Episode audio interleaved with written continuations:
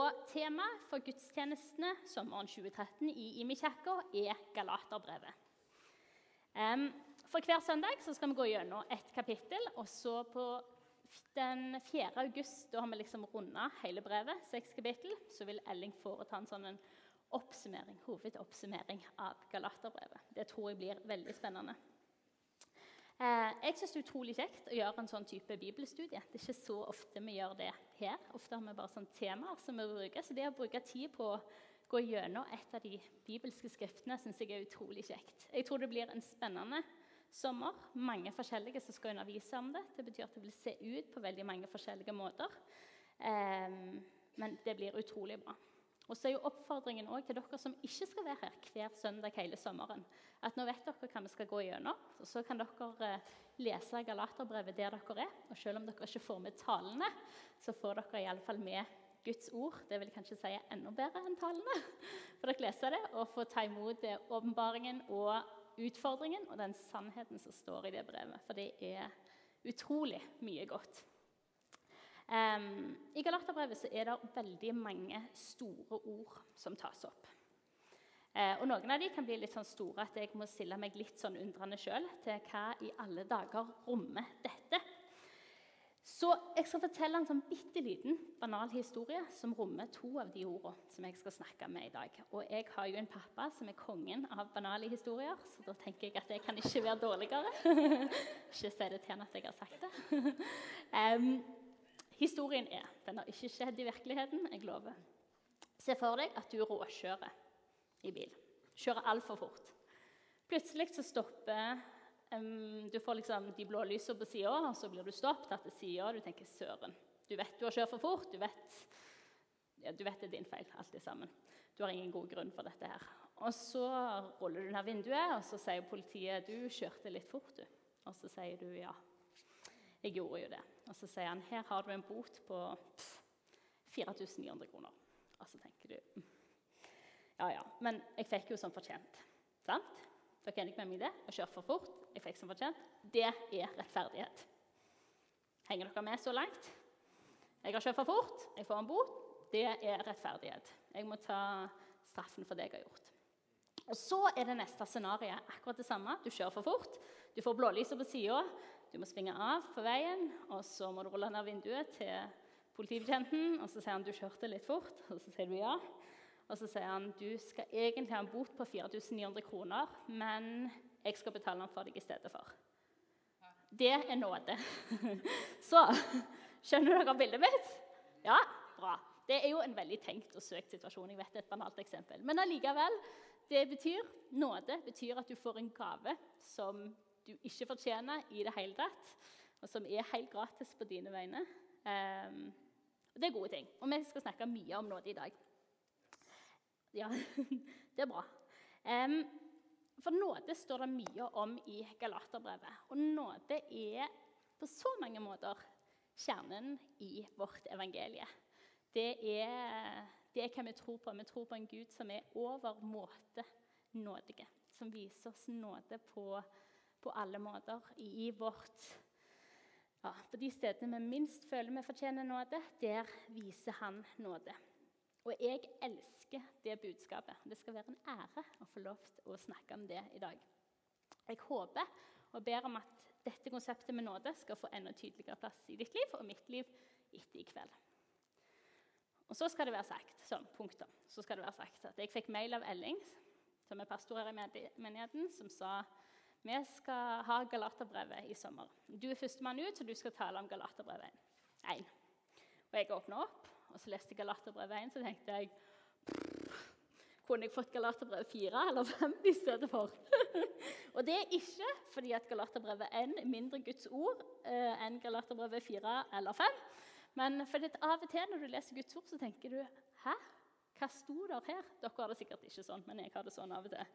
Og Så må du på en måte bare bli værende i teksten, og så må du tenke så må du tenke bare Jesus, Vis meg hva i alle dager som står her. Og Så blir du lenge nok i teksten til at Jesus taler gjennom han, heldigvis. Fordi at han står i denne boka av en grunn. Selv om du av og til kan tenke 'hæ?' Men, eh, men, det er gode ord. Og det, den lille parentesen er at jeg fikk sånn et par meldinger av, av, Elling et par dager etterpå. Hvor det sto liksom sånn ting som han hadde sett i Galaterbrevet. Og så skrev jeg melding så sier jeg 'amen' eller et eller annet sånt. Og så sier jeg tror, 'Tenker du at jeg ikke kommer til å finne noe?' Og så sier han, så sier han 'Nei, nei, jeg fikk bare litt dårlig samvittighet'. Og tenkte jeg ja. Men han trengte ikke få dårlig samvittighet, for det står masse godt i Galaterbrevet enn, og det skal vi se på i dag. Gleder dere dere, eller? Ja, ja. Konge. For det, ja, det er glimrende. Og det som jeg synes er litt kjekt når vi skal snakke om en bibeltekst sånn som dette, her, er faktisk å få litt, litt innføring i hva dette skriftet faktisk er for noe. At ikke jeg bare skal snakke om det, og jeg skal snakke om min åpenbaring om det, så snakke om noe av det, men at en kan få litt sånn håndfast kunnskap om hva er egentlig Galaterbrevet? Hvorfor skriver Paulus på den måten som han gjør her? Hvorfor bruker han de skriftene? Det er jo en annen ting. Altså, Paulus bruker ikke så veldig ofte ordet 'forbanne' i sine skrift, men jeg fikk det kapitlet, han brukte det to ganger. ja, sant? Men det betyr at Paulus skriver om noe som var vanvittig viktig for han i dette skriftet. Utrolig viktig. Um, og det er nåden. Og det er, det er, det beste vi har. Og det er litt sånn, En kan tenke ja, men det har vi jo hørt om før. Og samtidig tenker jeg vi kan ha hørt om det 100 000 ganger før, og samtidig har vi godt av å høre om det igjen. For dette er det viktigste Gud gir oss. Amen? Ja, bra. Jeg skal ta litt innledningsstoff, litt sånn rammene for Galaterbrevet. Og Det er ikke sånn jeg vanligvis underviser i det hele tatt, men jeg tenker at forandring fryder.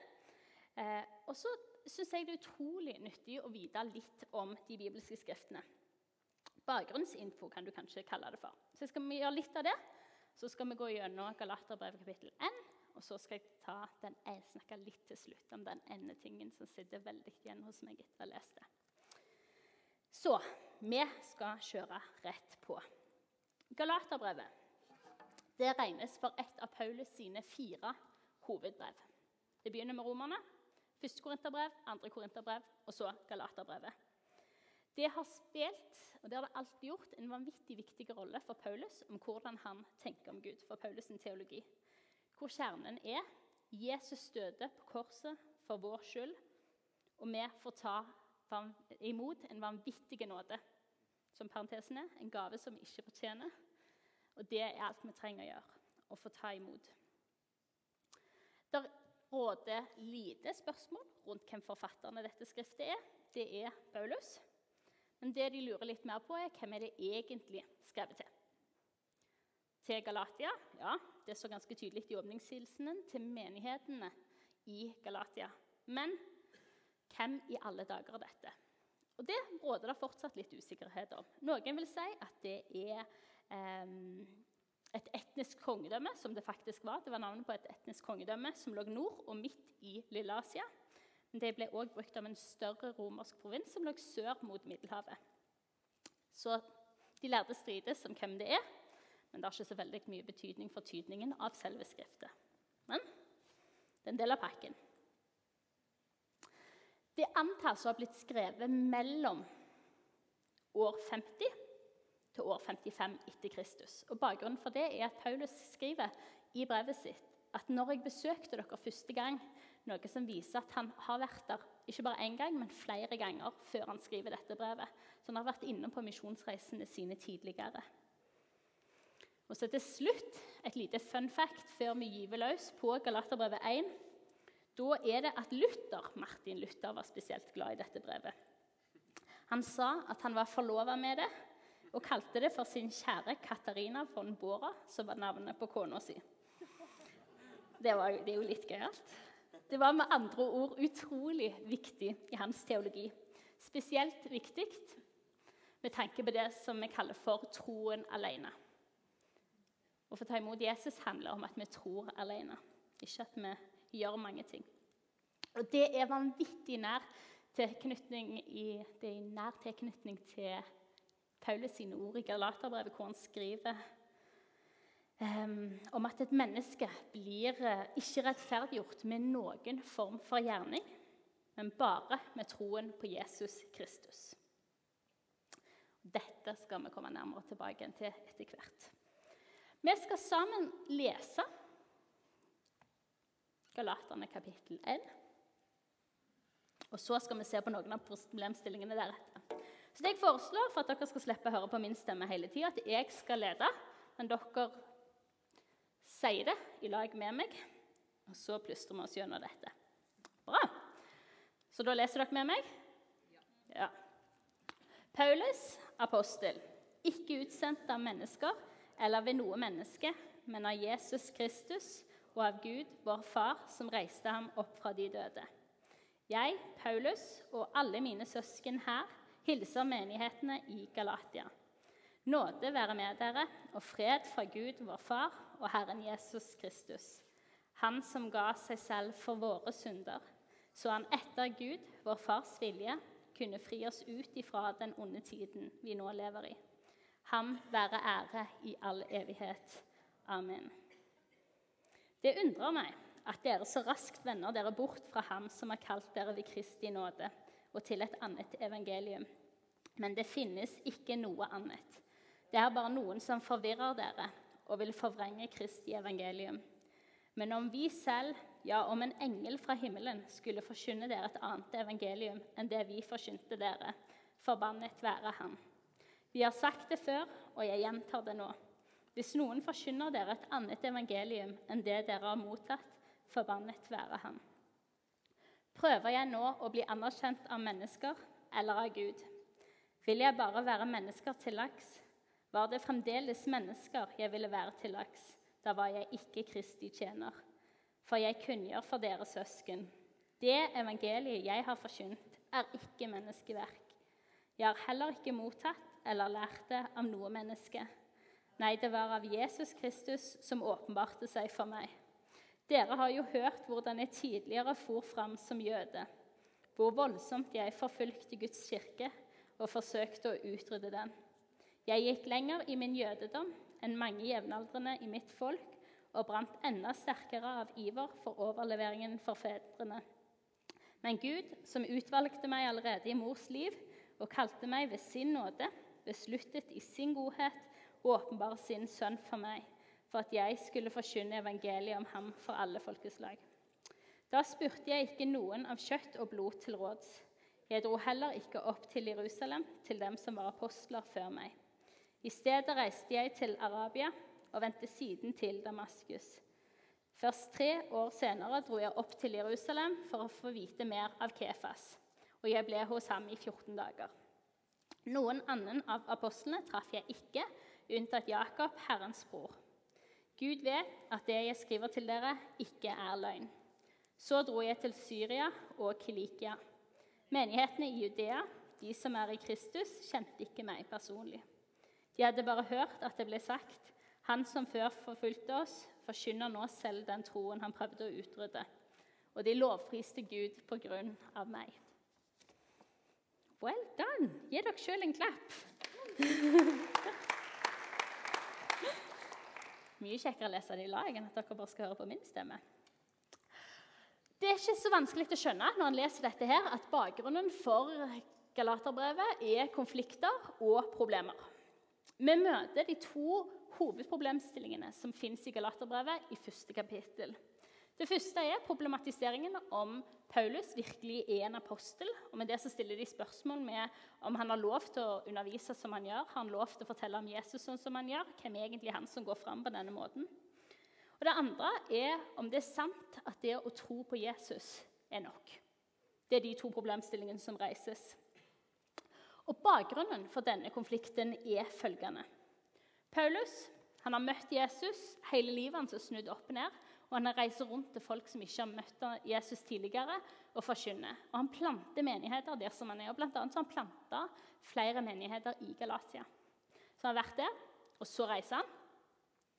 Men i hans fotspor etter han har reist, så kommer det noen. Og Det er disse her som Paulus tar så hardt i åpningskapitlet her. For her har det kommet noen som rett og slett sier til ham um, og De som kommer, det er jøder som har tatt imot kristendommen, de, ja, men som var opptatt av å fortsatt holde Moseloven. Det vil si, hva i alle dager er Moseloven? Moseloven er den loven som Gud ga til Moses, som hele folket skulle følge til punkt og til prikke. Og Hvis de fulgte den, så var de skyldfrie, og da ble de frelst. Men det var bare de som fulgte den til punkt og prikke, som fikk ta imot frelsen. Mennesker måtte med andre ord gjøre seg fortjent til fellesskapet med Gud og demonstrere for Gud at en var verdige til å bli frelst. Og Det var den jødiske troen, og det var bakgrunnen som disse her judeistene som de kalles for, kommer med inn til disse menighetene som Paulus har planta. Og De kommer og de sår tvil om hvem Paulus er, og hva han forkynner. Og De to hovedtrådene det vi ser gjennom hele Galaterbrevet, det er det vi ser gjennom hele det første kapittelet, det er det som tas opp, og det er òg det vi ser bare i åpningshilsenen. Så åpningshilsenen kan få lov til å stå de første fem versene. Gunnar kan stå der framme oppe. Så hvis dere Hæ? Det er det. Bare tuller. Bra. Um, og Det står der, og så kan dere uh, få kikke opp der hvis dere skulle dette av det jeg sier. Så det, står det veldig mye godt på tavla der. Paulus begynner rett på. Dette er det som er veldig uvanlig med Galaterbrevet. Han begynner ikke med noen takksigelser, ingen hilsninger, ingenting. Han begynner med Paulus, apostel, og så gir han rett på. Han har skjønt at her har de sådd tvil om hvem jeg er, og dette er det som er viktig. Og Det ser du gjennom hele brevet. at Det er, sånn, det er lidenskapelig. Han bruker ord som han vanligvis ikke bruker. For dette her er, det er folk som rokker med selve kjernen. Og det er bare Paulus sier bare dette er ikke greit. Det er det han sier med hele Galaterbrevet. Han er nødt til å han er nødt til å få orden på den situasjonen som noen har begynt å skape. Um, så det er, det er sånn lidenskapelig sånn hjertebrev som begynner rett på. Um, Paulus apostel. Det er dette som blir trukket i tvil av judaistene. I apostlenes gjerninger så møter vi disiplene etter at Jesus har reist til himmelen.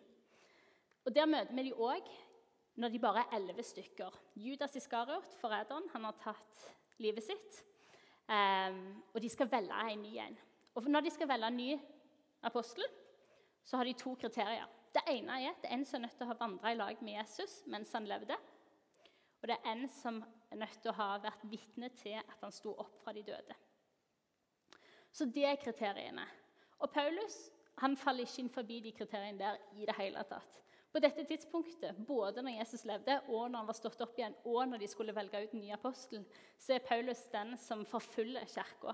Paulus er den som, som, har som sitt livsmål å utrydde den kristne tro. Han er definitivt ikke kvalifisert til å være noen som helst slags form for apostel. Um, Paulus kvalifiserer åpenbart ikke. Og Det er det disse judaistene sier når de kommer til de forskjellige menighetene som Paulus har planta. Hvorfor i alle dager hører dere på hva han å si? Han er jo ingen apostel, han er ikke utvalgt. Han kjente ikke Jesus når Jesus gikk her. Hvorfor gir dere han plass? Hvorfor gir dere han autoritet? Bla, bla, bla, bla. bla. Ikke hør på han. Det er det de sier. Og Paulus på sin side har hørt anklagene deres og skjønt tvilen som er sådd blant menighetene i Galatia. Og Paulus er steinklar for å respondere, og det ser vi. Han begynner med en gang. Um, og Det som er interessant å se, er at svaret som Paulus gir, det er ikke noe diskusjonsinnlegg. Han er ikke klar for å ta dette her opp til debatt om han er apostel eller ikke. Han kommer med en erklæring. Han hadde ikke sitt apostelkall fra noe menneske. Men fra den dagen han på veien til Damaskus møtte Jesus ansikt til ansikt. Hans embete, at han var apostel, og hans oppgave, det var det Gud sjøl som hadde gitt ham. Og Det er dette han bruker hele andre halvdel av første, eh, første kapittel i Galaterbrevet på å forklare. Hvordan selv, Gud sjøl har utvalgt ham og lært han opp. Han har gjort dette her for at han skal få leve etter Guds vilje og i Guds oppdrag for livet sitt som apostel. Han har fått det fra Gud. Han som var den største forfølgeren av de kristne. Han som myrda, han som ødela, han som torturerte folk som hørte til den kristne troa. Han fikk et møte med nåden ifra Gud, og det snudde opp ned på alt. Så Paulus han er ikke ute etter å diskutere dette her med de judaistene. Ikke i det hele tatt. Dette er bare en erklæring. Gud har gitt meg sin autoritet. Jeg trenger ikke noen sin bekreftelse for å stå i det som han har kalt meg til. Og Her er det viktig å se for oss et lite sånn steg ut av Galaterbrevet 1, kontekst, til 2013. Galaterbrevet 2013. For det har noe å si for oss i dag òg. Det er ikke bare Paulus som får sin oppgave av Gud. Gud gir sin oppgave og sitt kall til alle mennesker. Det betyr definitivt ikke at alle får kall som ser ut sånn som Paulus gjorde. og Det er kanskje godt. Det går ikke an å lage et universelt kall på det som Paulus beskriver var sitt apostelkall heller. Det blir dårlig teologi. Men vi kan med sikkerhet slå fast at på samme måte som Paulus satte ord på at Gud så han i sitt mors liv og utvalgte han allerede da, det gjelder fortsatt for oss i dag. Det er det så mye bibelske ord på. At Gud har sett oss fra vi ble født, og han har utvalgt oss til en spesiell oppgave. Um, og det er sannhetsord som er viktige for oss å ta imot. Um, det vanvittige som Paulus fikk stå i Det er ganske stort, det Paulus fikk stå i. Er dere ikke enige med meg i det? Han er liksom en av våre kirkes absolutt største helter. Hadde det ikke vært for Paulus, så hadde folk som ikke var jøder, aldri fått del i hvem Jesus faktisk var. Denne mannen hadde gjort det til sitt livs kamp å utrydde den kristne tro. Denne mannen som fikk så vanvittig betydning for evangeliet. Fordi han får et møte med Jesus som så snur opp ned på alt. Han som var morder, han som var forfølger, blir plutselig apostel og en Jesus-etterfølger. Han møter nåden, noe så vanvittig. Og det gjelder for oss òg. Guds kall for ditt liv er ikke avhengig av hva historie du kommer med i det hele tatt. Den er avhengig om du er villig til å gi Jesus det du har, og la han skrive en ny historie for framtida. Han bryr seg ikke om hva som har vært.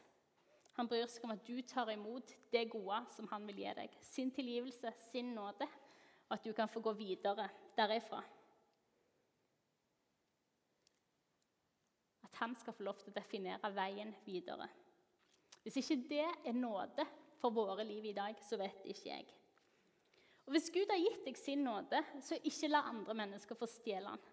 Langt derifra, sånn som judaistene prøvde å gjøre for Paulus. Hvis Gud har gitt deg sin nåde, og det har han Hvis Gud har gitt deg et kall, og det har han så ikke la noe få lov til å stjele det. Du trenger ikke alt på stell. Du trenger ikke ha pløyd gjennom Bibelen 100 ganger. Du trenger ikke ha bedt og fasta i 40 dager, selv om det hadde vært godt for mange av oss. Du trenger ikke ha vært så og så fromme eller kjent Jesus så og så lenge. Det du trenger, er å ta imot den nåden som Jesus vil gi deg. Paulus gikk fra forfølger til Jesus etterfølger på sånn. Han fikk ett møte med Jesus, og det snudde opp ned på alt. Jesus er ikke avhengig av våre kvalifikasjoner. Han vil bare ha et hjerte som vil ta imot det kallet som du får. Du trenger bare å tro på Gud og ta imot det som han vil gi deg. Ikke det enormt? Så det er problemstilling 1. Paulus apostel? spørsmålstegn. Paulus er ikke interessert i å stille spørsmålstegn med det, for han vet han har fått autoritet av Gud. Og du som hans etterfølger har òg fått autoritet av Gud til å forkynne samme nådebudskap som det Paulus gjorde. Det skal vi komme mer tilbake til etterpå. Det andre store spørsmålet er Holder det å bare ta imot? Er det Jesus gjorde, nok? Er jeg nok? Hva kreves det av meg? Ser Gud meg som rettferdige? Paulus sitt budskap, Paulus sitt bilde av Jesus, er under angrep. Judaistene har ikke bare angrepet hans apostelautoritet. De prøver å ta livet av måten som han forkynner Jesus på. Måten han forkynner Jesus på, ser vi allerede i hilsenen som han sier. Og tro på at det Jesus gjorde, Det var det Jesus gjorde fullt og helt. Det hadde ingenting med oss å gjøre, men vi får lov til å ta imot. Bakgrunnen for at de sier sånn som de gjør, disse judaistene, det var at de trodde at alle Guds løfter og gaver de var utelukkende for jødene og ingenting for hedningene. Det vil si at de som ikke var jøder, de kunne ikke gis adgang til disse dyrebare privilegiene. De trodde derfor at kristendommen den var egentlig bare for jøder alene. Men det fantes én vei ut av dette, og det var dersom en, kristen, nei, en hedning ønsket å bli kristen, så måtte han bli jøde. Først fra hedning til jøde, og så kunne du ta imot Jesus. Og Hva betydde det? Jo, I praksis betydde det at han var nødt til å bli omskåret. Og med det måtte han ta på seg hele byrden av loven, Moseloven, som vi snakket om, som det er umulig å holde. Det vil si at Hver gang du utfører en gjerning etter loven, så ble dette notert på Guds liste over ting som du hadde gjort, og så må du prøve å vinne velvilje hos Gud. De lærte altså at det var nødvendig for et menneske å tjene opp velvilje hos Gud. De jødiske kristne sa 'Jesus frelse, men det er ikke nok. Du må gjøre din del i tillegg'. Og For Paulus var dette helt umulig, selv om dette var bakgrunnen han kom ifra òg. Men for Paulus var dette her det motsatte av hva kristendommen betydde. For det de forkynte, var jo at eh, menneskets frelse det var avhengig om du klarte å holde loven eller ei. Og at du kunne vinne frelsen med egne anstrengelser egentlig, uten å få hjelp utenfra i det hele tatt. Men det her Paulus, Paulus holder korset vanvittig høyt og sier så høyt har Gud elska deg. Så høyt. Når Jesus døde, så satte han deg ikke bare litt fri eller halvt fri. Han satte deg helt fri. Han ga ikke bare litt nåde eller halvt nåde, han ga deg full nåde. Amen. Amen. Han ga deg alt, og det er det vi får ta imot.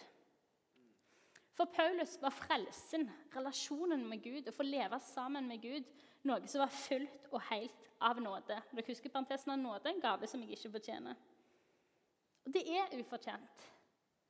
Det er ufortjent, men det er det nåde er. Å si at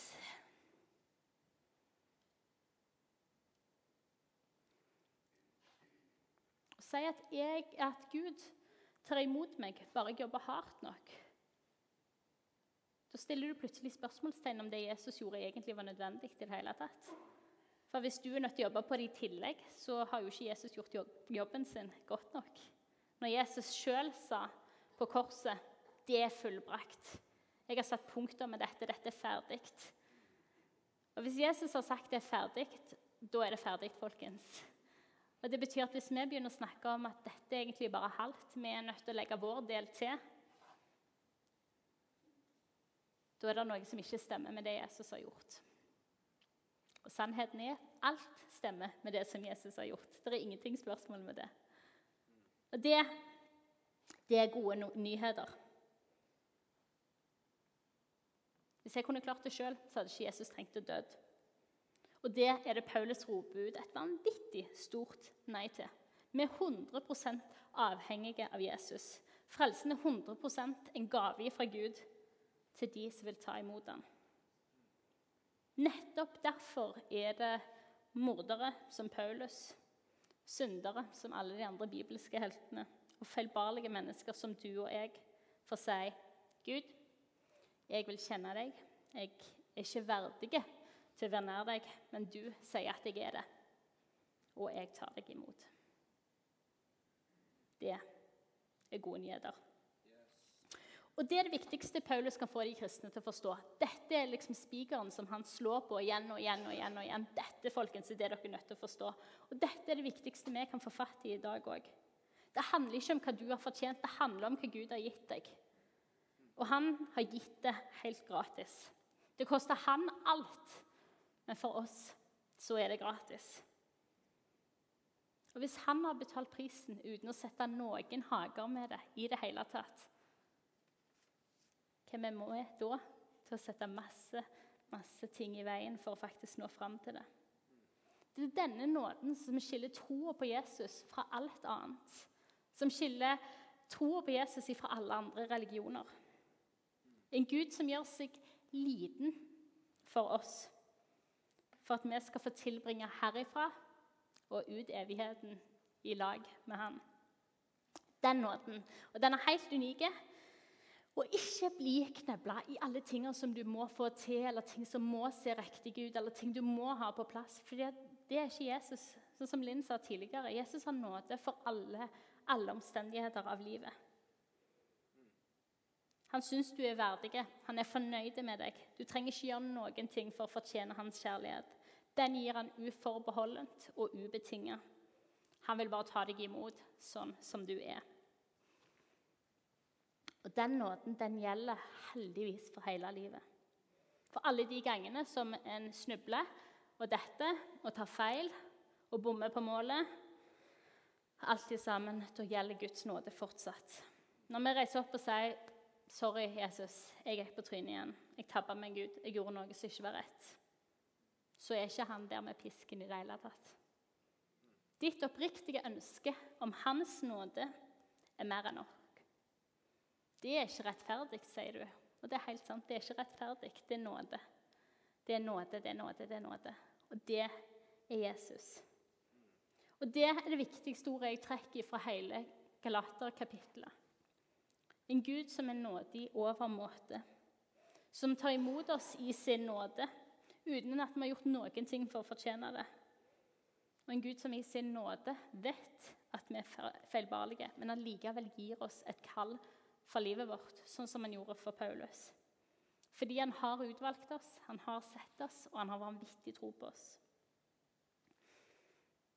Og når jeg leser dette, så merker jeg at det går en sånn en lengsel i meg at vi skal få lov til å være folk som faktisk er nådeformidlere på samme måte som Paulus var.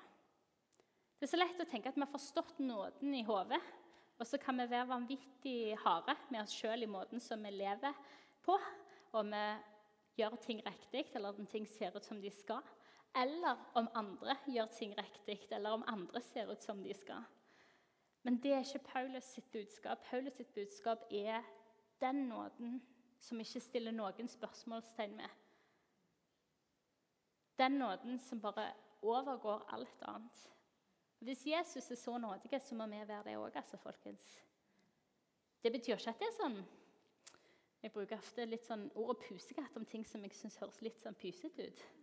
Og det er det Jeg liker egentlig pusekatter, så det er ikke det. Men, men nåden til Jesus er ikke sånn, det er ikke sånn pusekatten nå, at han ikke bryr seg om alle de andre tingene. Fordi at vi skal få lov til å bruke hele resten av livet vårt på æren. Heldigvis. Og få lov til å leve et liv som er verdig den nåden har vist oss. Men frelsen vår er aldri avhengig av det. Kan dere gjenta etter meg? Aldri. Aldri. Nå, nei, frelsen vår er aldri avhengig av hva vi har prestert eller fått til. Den er helt gratis. Nåde, det er Jesus. Um, jeg skal lese en historie fra Bibelen til slutt. Den vil jeg lese. Den er egentlig bitte litt på sida, men allikevel så oppsummerer den nådebegrepet og Galaterbrevet så tydelig. Um, så jeg skal lese den helt til slutt, og så skal vi be i lag.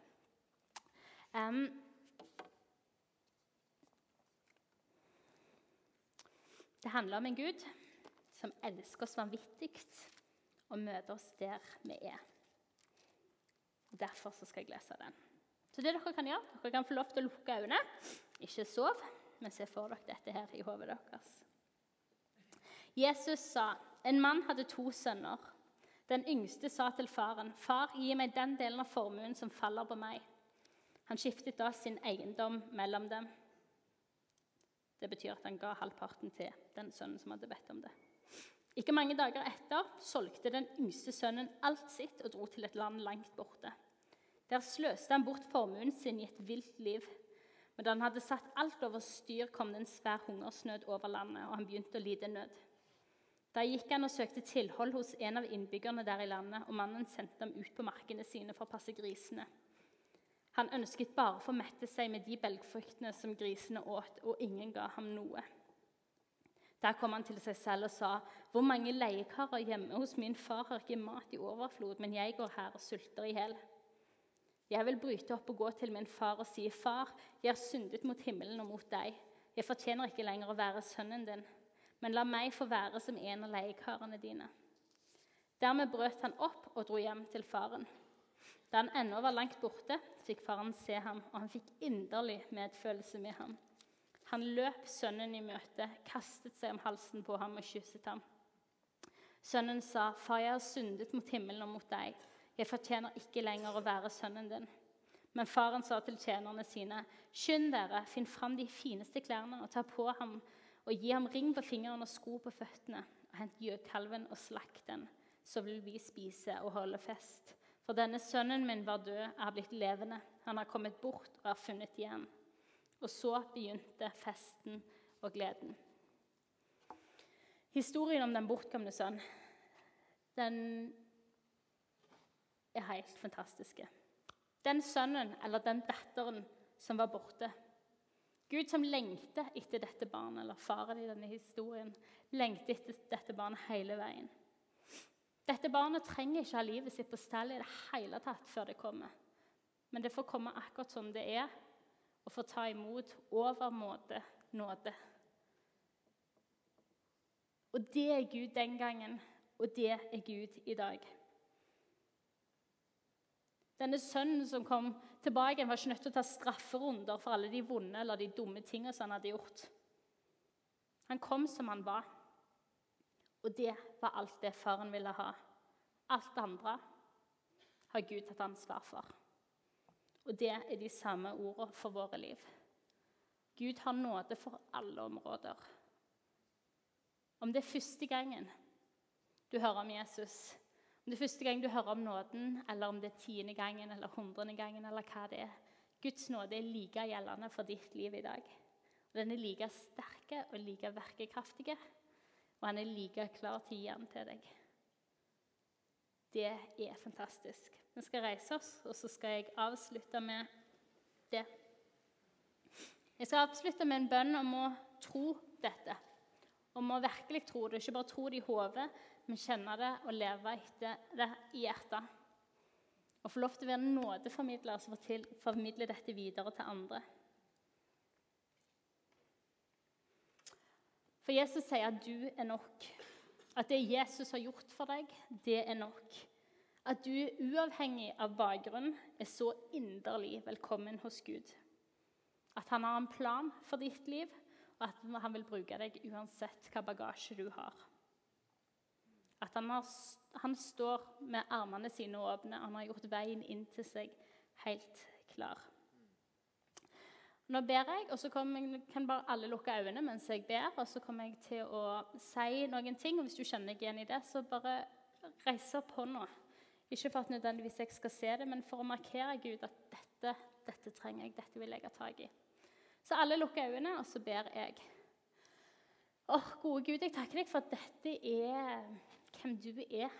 Nådige Herre. Du har så vanvittig mye nåde for oss, Jesus. Du som sier at eh, alt det du har gjort for oss, det er nok. At vi skal få lov til å bare ta imot. Og Jesus, vi vil ta imot. Vi vil ta imot nåden, Herre. Vi vil ta imot eh, sannheten, Herre, om hvem du er, og hvem du sier at vi er. Og Først vil jeg begynne med å be alle dere som er her inne og tenker at Gud ikke har bruk for deg, eller fordi du har en historie, så vil Gud ikke bruke deg, eller så har han ikke et kall for deg, eller at du er nødt til å fikse på en hel del ting først før Gud kan bruke deg. Rekk opp ei hånd hvis det gjelder deg. Så vil jeg eh, be der.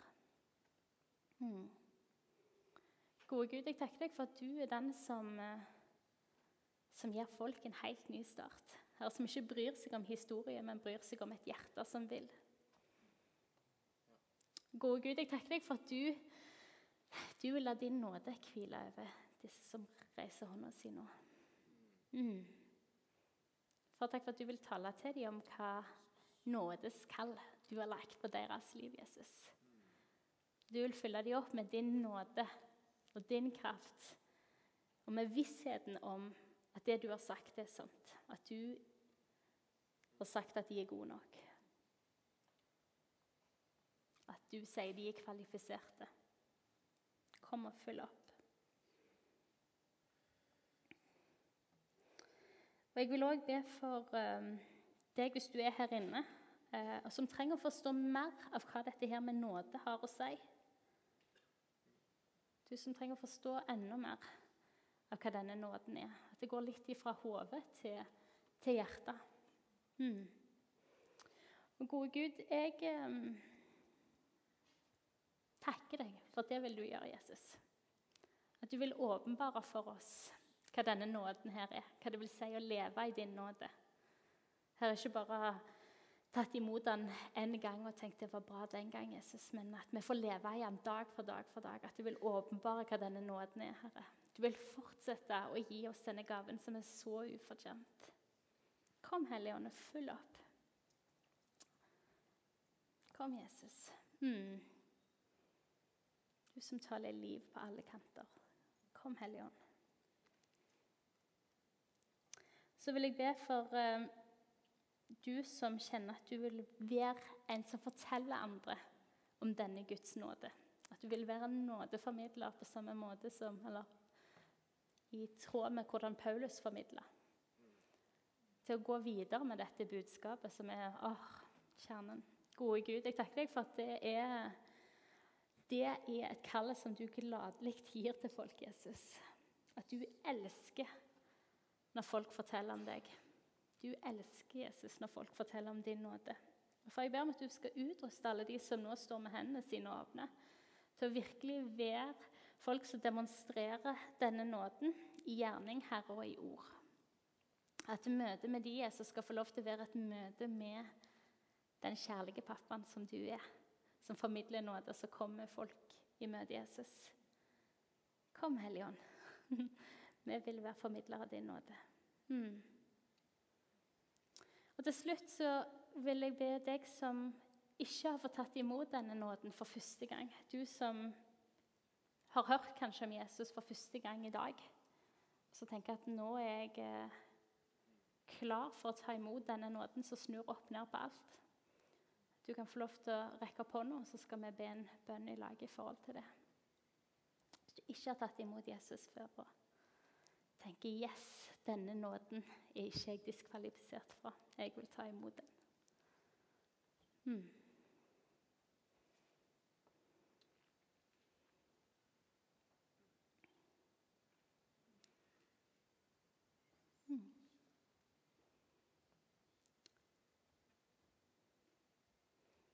Kan alle sammen bare be i lag med meg denne bønnen. Så ber jeg først, så kan dere få be etterpå. Gode Gud, jeg takker deg for din nåde. Jeg takker deg for at du døde for alle mine synder, Jesus.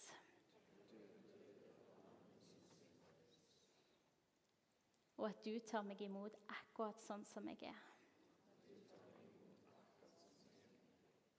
Takk for at jeg får ta imot din nåde. Takk for at du elsker meg overmåte, Jesus. Takk for at møtet med deg markerer en helt ny begynnelse.